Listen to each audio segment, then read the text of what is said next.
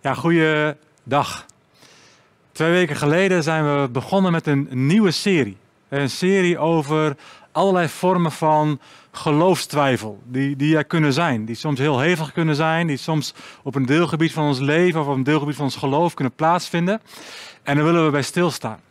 En dat doen we steeds eigenlijk in een serie van twee. Twee weken geleden had Theo het over de vraag: bestaat God? Uh, en in die eerste preek van de twee willen we altijd ja, de twijfel zelf bevragen. En in de tweede preek van steeds het tweeluik van twee preken. Vandaag dus willen we kijken, oké, maar in die twijfel, hoe komen we erin dan tot een vruchtbare houding? En Theo noemde in de eerste preek al drie algemene overwegingen, die ik ook uh, gewoon belangrijk vind om nog een keer te herhalen als het gaat om het omgaan met twijfel. De eerste is het, is, het is belangrijk om onze twijfel gewoon in de ogen te kijken. We willen twijfel niet wegdrukken of negeren. We willen het ook niet verheerlijken of koesteren. Nee, we willen twijfel, die er soms zomaar kan zijn, eerlijk onder ogen zien. We willen het aankijken en we willen het bevragen. De tweede overweging, ook een belangrijke. Het is ook goed om te beseffen en eerlijk om gewoon ook vast te stellen: we kunnen en we zullen niet alles in dit leven begrijpen. We zullen niet op alle antwoorden vragen krijgen. Dat is de realiteit van ons mens zijn, ook in verhouding tot een God die boven alles verheven is. Maar een belangrijke derde overweging, wij zijn altijd, ook met al onze twijfels, welkom bij Jezus. Dat zijn drie ja, overwegingen, die, die gelden altijd. Die gelden bij elke vorm van twijfel, om ook zo te kijken, om ook zo uh, eigenlijk je geloof handen en voeten proberen te geven, ook in de twijfel. En Theo begon met die vraag, bestaat God? En die vraag kan heel overstijgend zijn, maar die vraag kan ook op specifieke deelgebieden van je leven er soms zomaar zijn. Van Heer, waarom ervaar ik u niet? Of waarom grijpt u niet in? Maakt het u dan niets uit hoe het met me gaat? En dan is de vraag, ja, welke richting kan de Bijbel ons hierin geven? Hoe pakken we die vragen eigenlijk vast vanuit een vruchtbare houding? Hoe geloof ik? Zelfs als ik u niet zie. En de Heer heeft mij, ja, eigenlijk ook wel heel persoonlijk, de afgelopen week op een hele krachtige manier teruggebracht naar de psalmen, het psalmenboek. En ik heb de sterke indruk dat hij dat niet alleen maar voor mij persoonlijk heeft gedaan, maar ook breder voor ons als gemeente. De psalmen die, die zo ook tot ons hart kunnen spreken, eh, vol van aan de ene kant onstuimige, pure volheid van geloof. En aan de andere kant ja, ook juist eerlijk geuite gevoelens, vol van onmacht. Vol ook soms van rauwe twijfel. Het is er allemaal in de psalmen. En de psalmen, het is altijd al het gebedenboek geweest van het Joodse volk. Door alle seizoenen en door alle emoties en door alle twijfels heen. Iedere keer als het volk Israël voor gebed bij elkaar kwam, ja, dan waren het de psalmen. De psalmen die de taal, die de motivatie, maar ook die de energie gaven om te bidden. Ook als het even niet zagen. De psalmen, ze waren niet alleen maar, ja, je zou kunnen zeggen, uh, het gebedenboek van het Oud-testamentische Joodse volk. Nee, de psalmen, het was ook het gebedenboek van Jezus zelf, van Petrus, van Paulus. Jezus en zijn tijdgenoten, ze kenden de psalmen door en door hun wereldbeeld, hun godsbeeld. Het was gevoed en het was ook gevormd door de wereld van de psalmen. Niet voor niets vinden we heel veel verwijzingen in het Nieuwe Testament, juist ook naar de psalmen. Ook Jezus zelf haalt ze aan om, om ook allerlei dingen die met hem, met zijn bediening, met zijn identiteit te maken hebben, om die ja, um, duidelijk te maken. Heel veel teksten over zichzelf, tot aan de kruisiging aan toe de psalmen. Het is geen oud-testamentisch boek vol mooie liederen en gebeden. De psalmen, ze gaan ook vol over Jezus. En wij kunnen stellen dat niet alleen maar gedurende de hele Joodse geschiedenis, maar ook gedurende de christelijke geschiedenis door de kerkeeuwen heen, de psalmen altijd centraal hebben gestaan. Wanneer het ging om, de, om het belang, maar ook de praktijk van het bidden uh, en ook het zoeken naar God. En ja, ook in mijn bezinning uh, daarop, eigenlijk al door de laatste jaren heen wel, maar, maar de afgelopen twee weken kwam het eigenlijk met kracht in mijn hart. Moeten we eigenlijk misschien wel een eerlijke en, en ook een, een pijnlijke constatering doen. Want een van de meest essentiële en, en een van de meest vitale geloofs- en gebedsbronnen hij is meer en meer uit zich geraakt. En zeker in de evangelische wereld. Onbedoeld misschien, maar zeker in de evangelische wereld, waar wij ook deel van uitmaken.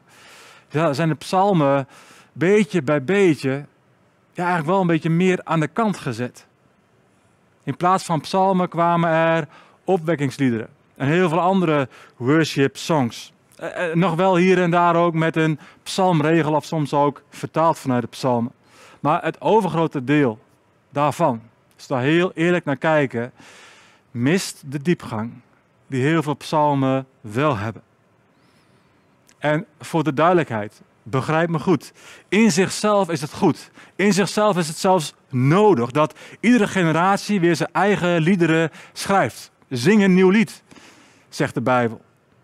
Maar het was nooit de bedoeling om ons tegelijkertijd af te snijden van de psalmen of om die te verwaarlozen.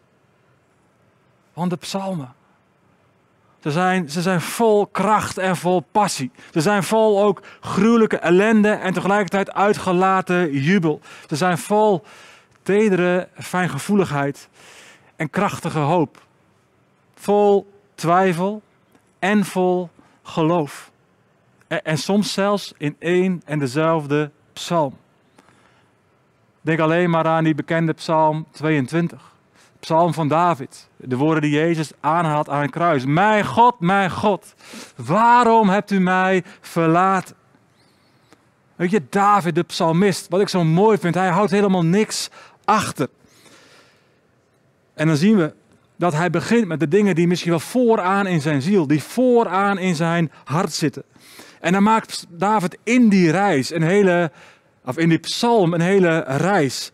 En doordat hij dat zo uit, omdat hij dat zo allemaal ook maar open aankijkt, kunnen we zoveel van hem leren. En hij maakt een reis door de psalm heen. En dan eindigt hij toch weer met een geloofsuitspraak. Maar hij is een God van daden. Daar komt hij op uit. Omdat hij de psalm, omdat hij de twijfel niet uit de weg gaat, maar omdat hij de twijfel juist vol in de ogen kijkt. En ik durf een stevige stelling best aan. Ik geloof, ik ben er diep van overtuigd dat het regelmatig zingen, maar vooral ook bidden van de psalmen, als we dat consequent gaan doen, zal het op langere termijn in ieder leven niet minder dan een transformatie teweeg brengen. Ik geloof dat het zo diep gaat als wij de psalmen ook als ons gebedenboek gaan beschouwen. Voor het eerst of opnieuw of nog veel meer dan we het ooit hebben gedaan. En weet je, ik heb het nodig. Ik heb het nodig, zo'n transformatie van mijn gebedsleven.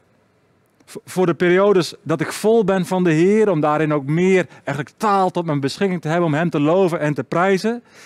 Maar ook voor de periodes waarin ik het even niet zie.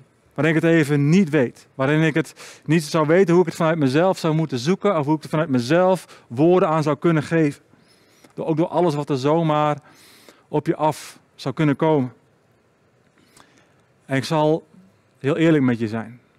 Ik ben af en toe zo hopeloos ontevreden met mijn eigen gebedsleven. Ik kan me zelfs af en toe voor schamen. Dan is het te voorspelbaar, te steriel, te weinig diepgang, te veel automatische piloot te vaak soms zomaar afgeleid tijdens het bidden. En, en daar kan ik gewoon soms niet bij. Dat het zo vaak wel de realiteit is, ook in mijn gebedsleven. Terwijl, terwijl bidden in zichzelf, het zou het meest voldoening geven. Het zou de meest vervullende bezigheid op aarde kunnen zijn en misschien wel moeten zijn. Want in het bidden communiceren we met de koning der koningen. Met een God die alles gemaakt heeft. En die wil communiceren, die verlangt naar intense, intieme relaties met mij. En toch, en toch kan ik zo hopeloos ontevreden zijn over mijn gebedsleven. Waarom gaat het toch zo vaak zo stroperig? En ik denk dat, dat velen van ons dat wel herkennen, toch? Dat, dat gebed ook te vaak een, een worsteling is.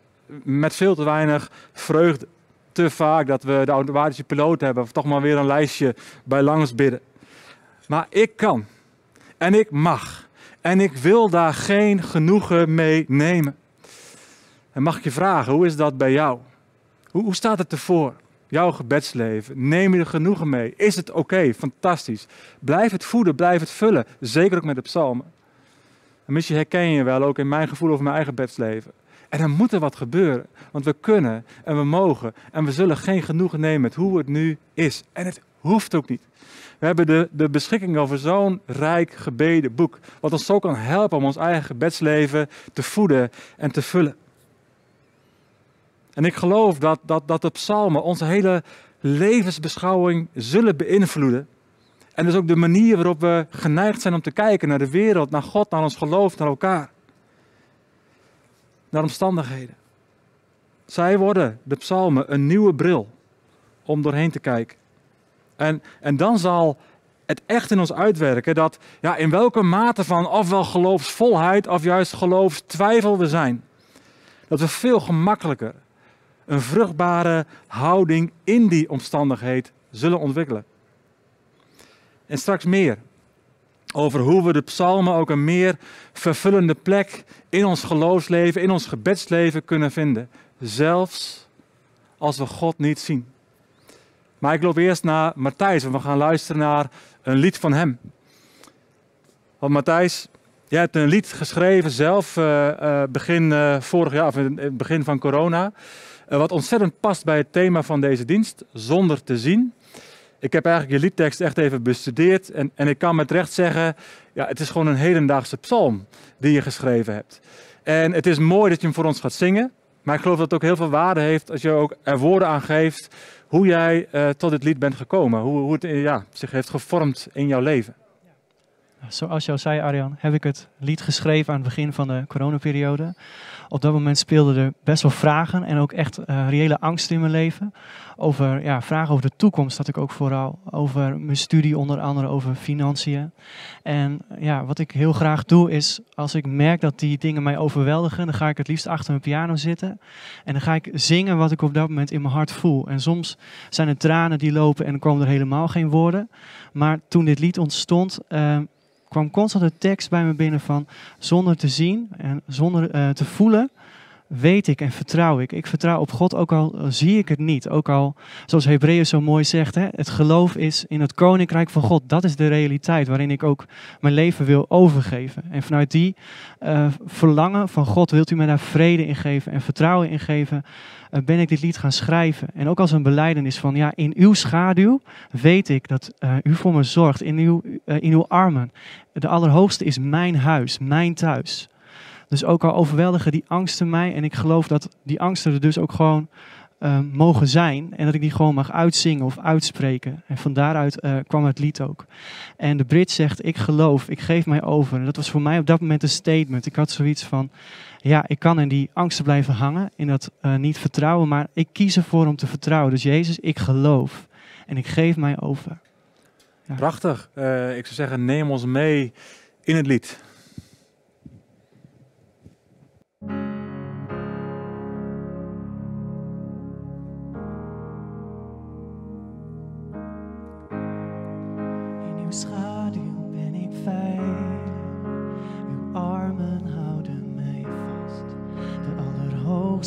Is mijn huis.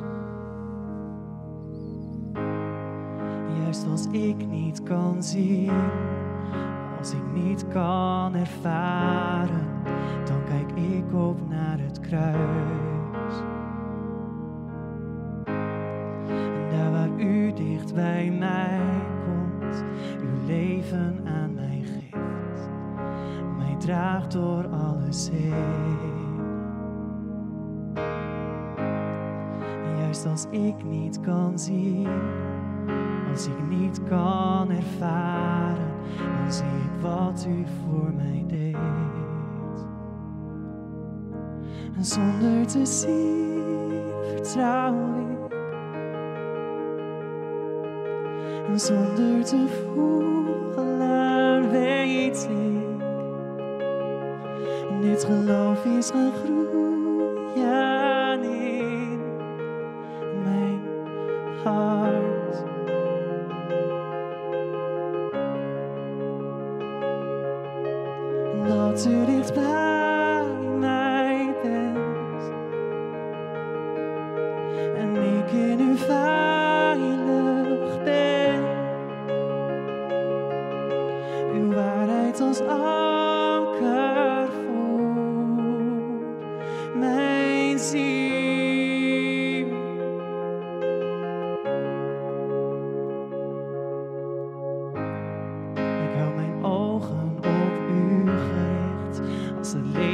onzeker is en ik bang ben voor wat komt.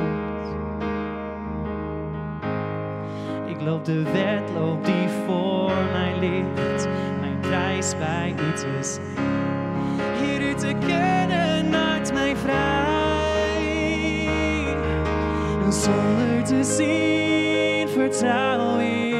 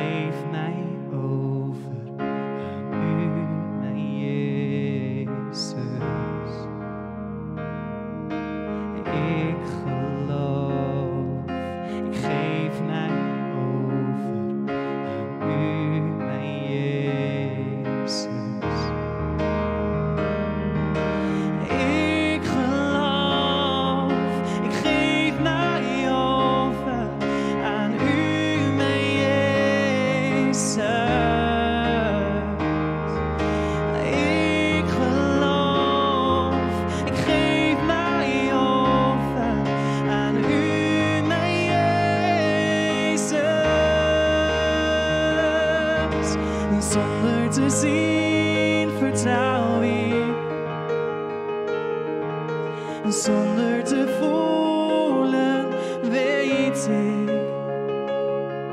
Dit geloof is gaan groeien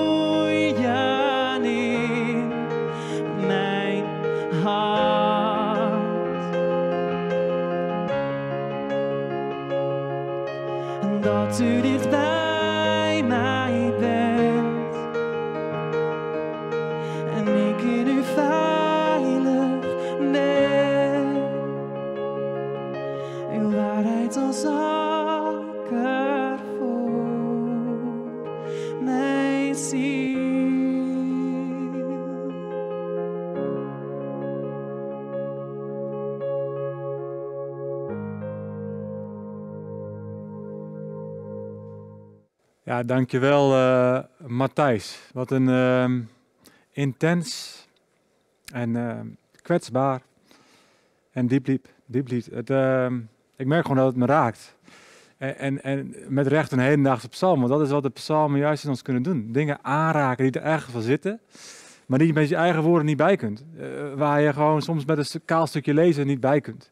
Maar daar waar het tot leven komt, zoals door muziek of door in, tegen bed te brengen, ja, daar, daar gebeurt iets. En daar wordt ons hart geraakt, geroerd en gevoed. En dat is ook wat dit nummer nu bij mij doet. En dat is kostbaar. Dat is intiem en intens. Maar helaas zijn wij niet allemaal psalmschrijvers. Misschien kunnen we het nog worden. Misschien kunnen we er eens een cursus voor geven. Psalmschrijven in de VWG, Stadskerk, sorry. Maar gelukkig hebben we allemaal de beschikking over 150 psalmen die in de Bijbel zijn opgenomen. Psalmen die, die woorden kunnen geven die we zelf niet eens hebben. Die woorden kunnen geven aan onze twijfel. Psalmen die onze blik kunnen richten op dat we het wel ooit hebben ervaren van God.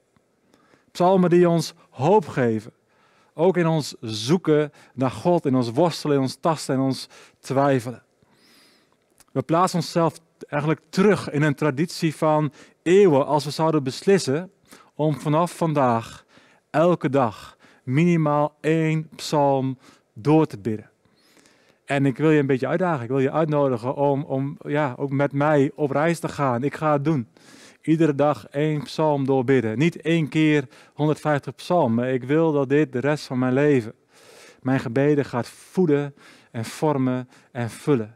Want ik geloof dat we er nooit genoeg van zullen kunnen krijgen. En dat het ons gebedsleven steeds verder zal verdiepen en verrijken. Ik wil je gewoon hier en nu, zegt, oh maar ik ga daar ook mee aan de slag. Ik wil dat ook. Ik ga ook op reis met de psalmen. Ik ga heel concreet een paar praktische handvaten meegeven in, in, hoe je de psalmen dan ook echt kunt bidden. Hoe dat jouw gebedsleven en mijn gebedsleven kan verrijken. De eerste is natuurlijk, ja, kies een psalm uit. Hoe kies je een psalm uit? Je kunt afgaan op je, op je persoonlijke omstandigheden en, en je zoekt een psalm die daar, ja, waarvan je proeft, hey, dit past bij wat ik voel, wat ik ervaar, wat ik denk op dit moment. Uh, misschien een psalm die past bij de gebeurtenissen in de wereld, die iets met je doen, waar je, waar je allerlei gevoelens bij hebt. Uh, je kunt ook gewoon chronologisch gaan bidden. Uh, en je begint gewoon morgen bij Psalm 1 en overmorgen bij Psalm 2 en gaat zo door. En je laat je eigenlijk verrassen door wat elke dag in die psalmen naar voren komt. En je zult verrast worden door wat er soms zomaar zo raak is in de psalm die toevallig dan op dat moment aan de beurt is. Maar stel, je gaat wel op zoek naar een specifieke psalm. En, je hebt geen persoonlijke twijfel per se tussen hoe het tussen jou en God is. Maar je bent wel aan het worstelen met de vraag, ja, maar hoe zit het nou? Waarom brengt u geen recht, Heer, in een situatie vol van onrecht, waar jij misschien wel heel specifiek zicht op hebt? Heer, ik snap het niet. Waarom grijpt u niet in? U bent almachtig en u bent liefde. Hoe kan dit dan gebeuren? Weet je, er kan een psalm als psalm 10 kan jou woorden geven om daarmee ook je gebeden te voeden. Om in mee te bidden. Want ook die psalm begint weer stevig. Waarom, Heer, bent u zo ver en verbergt u zich in tijden van nood? Dat is de echte ervaring van de psalmist. Het is een eerlijke opening van het hart. Dat is wat er echt leeft. En we hoeven dus niet eerst heel vroom, uh, wat zorgt dat we eerst danken, of mag wel, maar we hoeven niet uh, God eerst een aantal tops en tips te geven, voordat we echt kunnen komen bij de dingen die ons hart spelen. Dit ligt vooraan in het hart. Daar mag een gebed ook best mee openen, als de nood zo hoog is. Maar weet je, juist als ook de twijfel, als ook de rouwheid er mag zijn, ja, en als je het mag uiten, dan merk je dat er daardoorheen, alleen al door het te uiten, er meer ruimte komt in je om, om dat ook breder weer te beseffen en te beschouwen en over te bezinnen. Want we zien in die psalm, ja, die uitroep, die slaat wel om in voorbeden. En die slaat om in, in overdenking. Die slaat om in aanbidding. En dan lezen we in vers 16 dat er wel degelijk ook nog wel een stuk beleiden van geloof is. Wat nog wel is overgebleven, midden in de vertwijfeling waar, staat, maar, maar, de Heer, de Heer is koning voor altijd en voor eeuwig en altijd. En vijandige volken, die verdwijnen uit zijn land. En ik weet wel, als je zelf in volle twijfel bent, en, en dan komt zo'n psalm, zo'n vers voorbij van ja, de Heer is koning voor eeuwig en altijd, dan kan het bijna mechanisch of misschien wel onnatuurlijk voelen om dat mee te bidden, om dat dan ook uit te spreken te midden van twijfel. En toch, woorden, en zeker specifiek ook Gods woorden, zijn levend. Gods woorden zijn krachtig. Ze geven hou vast en ze kunnen ook opnieuw leven laten stromen in jou en door jou. Juist ook in tijden van crisis en twijfel kan het meebidden van de psalmen, ook in dit soort geloofsuitspraken, helpen om ook weer terug te komen bij het fundament van geloof, wat er soms best wel zit, diep in ons hart. Maar wat misschien wel vertroebeld is geraakt door de omstandigheden, door de twijfel. En als je de psalm in zijn geheel leest, dan zie je inderdaad ook, het is niet één lang gebed. Het gebed met een gebed. Maar dan is er overdenking, overpeinzing, waar ook psalm 1 over spreekt. En dat zie je terugkomen in de psalm, het overdenken, het overpeinzen van wie God is, wat hij heeft gedaan, hoe de wereld, hoe zijn misschien perspectief op de wereld wel is. En dan is er aanbidding en dan is er weer voorbeden. Dat is een rijk gebed. Zoveel meer dan alleen maar een lijstje afwerken met punten uh, waar je graag Gods aandacht voor wil. En heel belangrijk, als je een vers hebt gekozen, als tweede ja, tip zou ik kunnen zeggen, als tweede handvat, lees de psalm, bid de psalm in alle rust, vers voor vers. Niet even de psalm in zijn geheel lezen, amen, en door. Nee, er vers voor vers doorheen gaat. En ja, dat kost tijd. Luther zei dat gebed het zweet van de ziel is. Dus dat betekent, het mag ons ook inspanning kosten. Mag het ons inspanning kosten? Mag het ons tijd kosten om de tijd te nemen om heel langzaam, vers voor vers, door zo'n psalm heen te bewegen, door zo'n psalm heen te bidden? Uh, en niet te snel door van vers 1 naar vers 2, maar pas als er niks meer komt, dan pas door naar het volgende vers. Want dan, ja, dan wordt elke psalm echt een avontuur. Laten we als voorbeeld gewoon Psalm 1 nemen, de eerste psalm. die psalm begint met welzalig de man die niet wandelt. En heel veel uh, luierikken, die kennen alleen deze eerste zes woorden. Maar hij gaat verder. Welzalig de man die niet wandelt in de raad van de goddelozen. Dat komt er achteraan.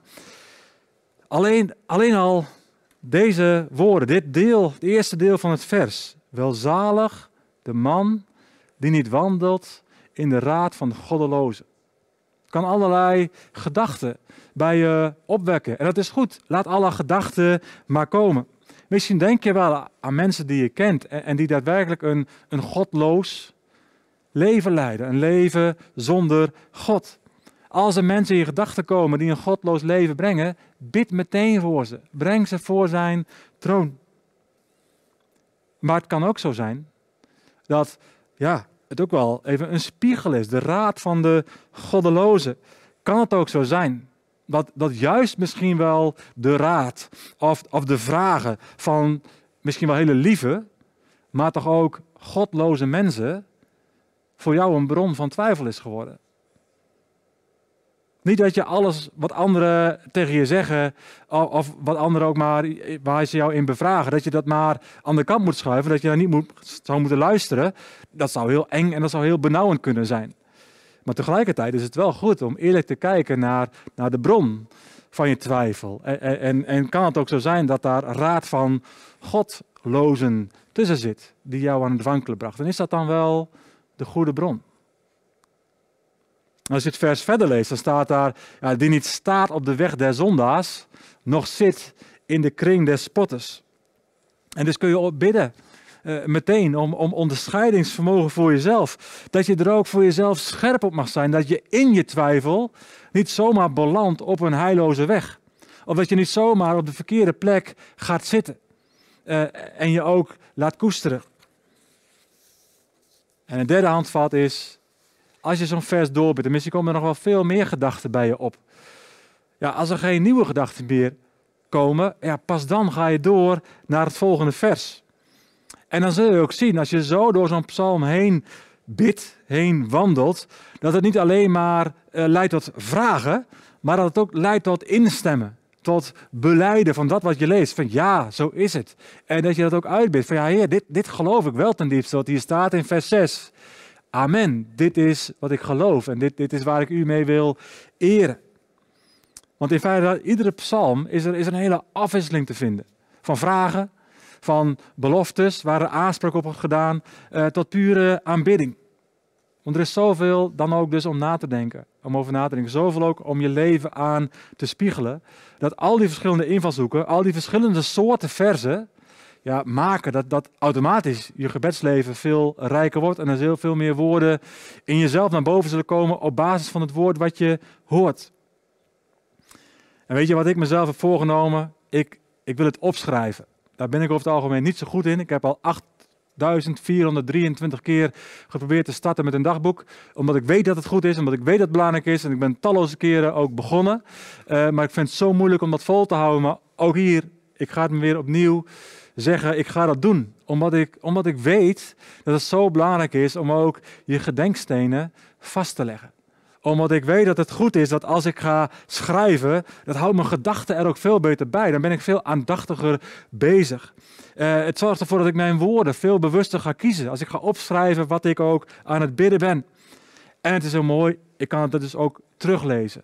En, en gebeden die ik eerder gebeden heb en vastgelegen heb, als ik het teruglees, kan ik ook bemoedigd raken. Omdat ik ook een tijdje later zal kunnen ontdekken, en ik geloof dat het gaat gebeuren, maar rempel, wat ik toen gebeden heb, moest kijken wat er nu is, wat er nu is gebeurd, waar ik nu sta, wat zich nu tot ontwikkeling heeft gebracht. Van ja, ik heb het gebeden. En misschien uh, heel kort daarna, misschien veel langer daarna. Oh ja, maar ik zie ook verhoring, ik zie ook vervulling van dat gebed. En ik zie het omdat ik het heb vastgelegd, omdat ik ernaar terug kan gaan. En ik geloof dat als wij op deze manier eigenlijk heel consequent door dat psalmenboek gaan reizen, niet één keer, maar de rest van ons leven, dan gaan we dus echt afrekenen. Halleluja. Dan gaan we afrekenen met eentonigheid, met alleen maar lijstjes bidden van dingen waar we nou eenmaal voor gewend zijn te bidden, of waar we misschien wel vinden, ja, daar moet ik toch wel voor bidden. Hey, dan gaan we afrekenen met al die zaken en dan zal het dus ons nooit meer ontbreken aan woorden om te bidden. Ik heb daar zin in. Want omdat we ook Gods woord gaan bidden, niet alleen maar onze eigen woorden gebruiken, maar we gaan Gods woord gebruiken in ons gebed, bidden we niet alleen, maar zijn we tegelijkertijd ook aan het luisteren naar God. Weet je, het is twee in één. Het is twee vliegen in één klap. We bidden, maar we luisteren ook naar God door zijn woord. En dan wordt automatisch veel meer een soort wisselwerking. Dus als ik u niet zie, als de twijfel woekert in mijn hart, dan zoek ik een psalm. Dan zoek ik een psalm en dan ga ik daar in alle rust doorheen bidden. Een psalm die het aanraakt, die daar woorden aan geeft, die ik misschien nooit zou kunnen verzinnen zelfs. In de volle verwachting dat die combinatie van woord en gebed ja, zijn eigen unieke uitwerking zal hebben. Amen. En ik wil, voordat we gaan bidden, je ook graag drie vragen meegeven om over na te denken. Maar als het enigszins kan, zeker vooral ook over na te praten. En de eerste vraag is, wat helpt jou? Wat helpt jou bij twijfel om toch God te zoeken en God te ervaren? Wat zijn er voor jou ja, behulpzame bronnen gebleken in je leven? En, en heb je ze paraat op momenten dat het nodig is? Tweede vraag is, ja, hoe tevreden, heel eerlijk, hoe tevreden ben jij met jouw gebedsleven? En de derde vraag, wil jij dat de psalmen ook een grotere rol gaan spelen in jouw leven, in jouw gebedsleven? En zo ja, hoe ga jij dat dan aanpakken? Heb je een plan? Zo nee, wat wordt je plan? Want zonder plan gebeurt er niks. En dat hebben we wel nodig. Dus uh, spreek daarover na, bid daarover, breng het ook in gebed bij de Heer. Uh, en dat wil ik ook nu graag in gebed brengen. Vader, dank u wel. Dank u wel dat, uh, ook in alle twijfel, dat, dat een van de mooie aspecten van uw woord, van de Bijbel, is dat het zo'n ongelooflijk eerlijk boek is. Er wordt niks verhuld, er wordt niks verzwegen. Uh, ook niet aan allerlei uh, troebele acties van Gods mannen en Gods vrouwen. Het is zo'n eerlijk boek. En dan dank ik u dat u mij, ja, zoals ik het echt heb ervaren afgelopen weken, diep in mijn nekvel hebt gegrepen. En me eigenlijk met de neus opnieuw op de psalmen hebt gedrukt. Niet een gebedenboek, oud-testamentisch, voor het Joodse volk van toen in die tijd. Niet iets om alleen maar bij halve af hele noten te zingen, hoeveel inspiratie dat ook kan geven voor veel mensen. U hebt het bedoeld als gebedenboek, ook voor hier en nu. Ook voor ons. Het is zo rijk, het is zo diep. Heer, en als we u niet zien, ja, dan zie ik hier psalmen die zo rauw, die zo eerlijk zijn, waar de twijfel er vol mag zijn en waar de twijfel wordt bevraagd. En, en, en waar uiteindelijk ook zo vaak onder de twijfel wel degelijk, omdat de twijfel er mag zijn, de bodem van geloof weer wordt bereikt en wordt aangeraakt. En van daaruit ja, er ook weer beleiden kan zijn. Heer, ik verlang er zo naar. Dat in mijn eigen persoonlijke leven. Maar ook in het leven van onze gemeente. Ja, dat onze gebeden zoveel rijker zullen worden dan dat ze nu zijn. Want u weet, Heer, en, en ik hoef maar een paar mensen te vragen. En dan weet ik, Heer, dat, dat, dat het bij zoveel van ons speelt. Dat we het zo moeilijk vinden om ons gebedsleven echt ja, rijk te vinden. Dat, dat we soms een periode hebben waarin het wel vanzelf lijkt te gaan. Maar dat we soms ook zomaar weer wegzakken in sleur, in automatisme, in dezelfde woorden als gisteren. En Heer, dan, dan verlang ik ernaar dat u een beweging op gang gaat zetten. En dat is één zondag, één preekje. Is niet genoeg, Heer. Dan zult u meer moeten doen. Om die beweging van de psalmen dieper in ons hart, dieper in ons gebedsleven te planten. Ik nodig u uit, Heer, om het te doen. En ik bid uw krachtige zegen erover uit als we het aanpakken, als we erin gaan wandelen. Dat we ook mogen ervaren dat u daarin bent.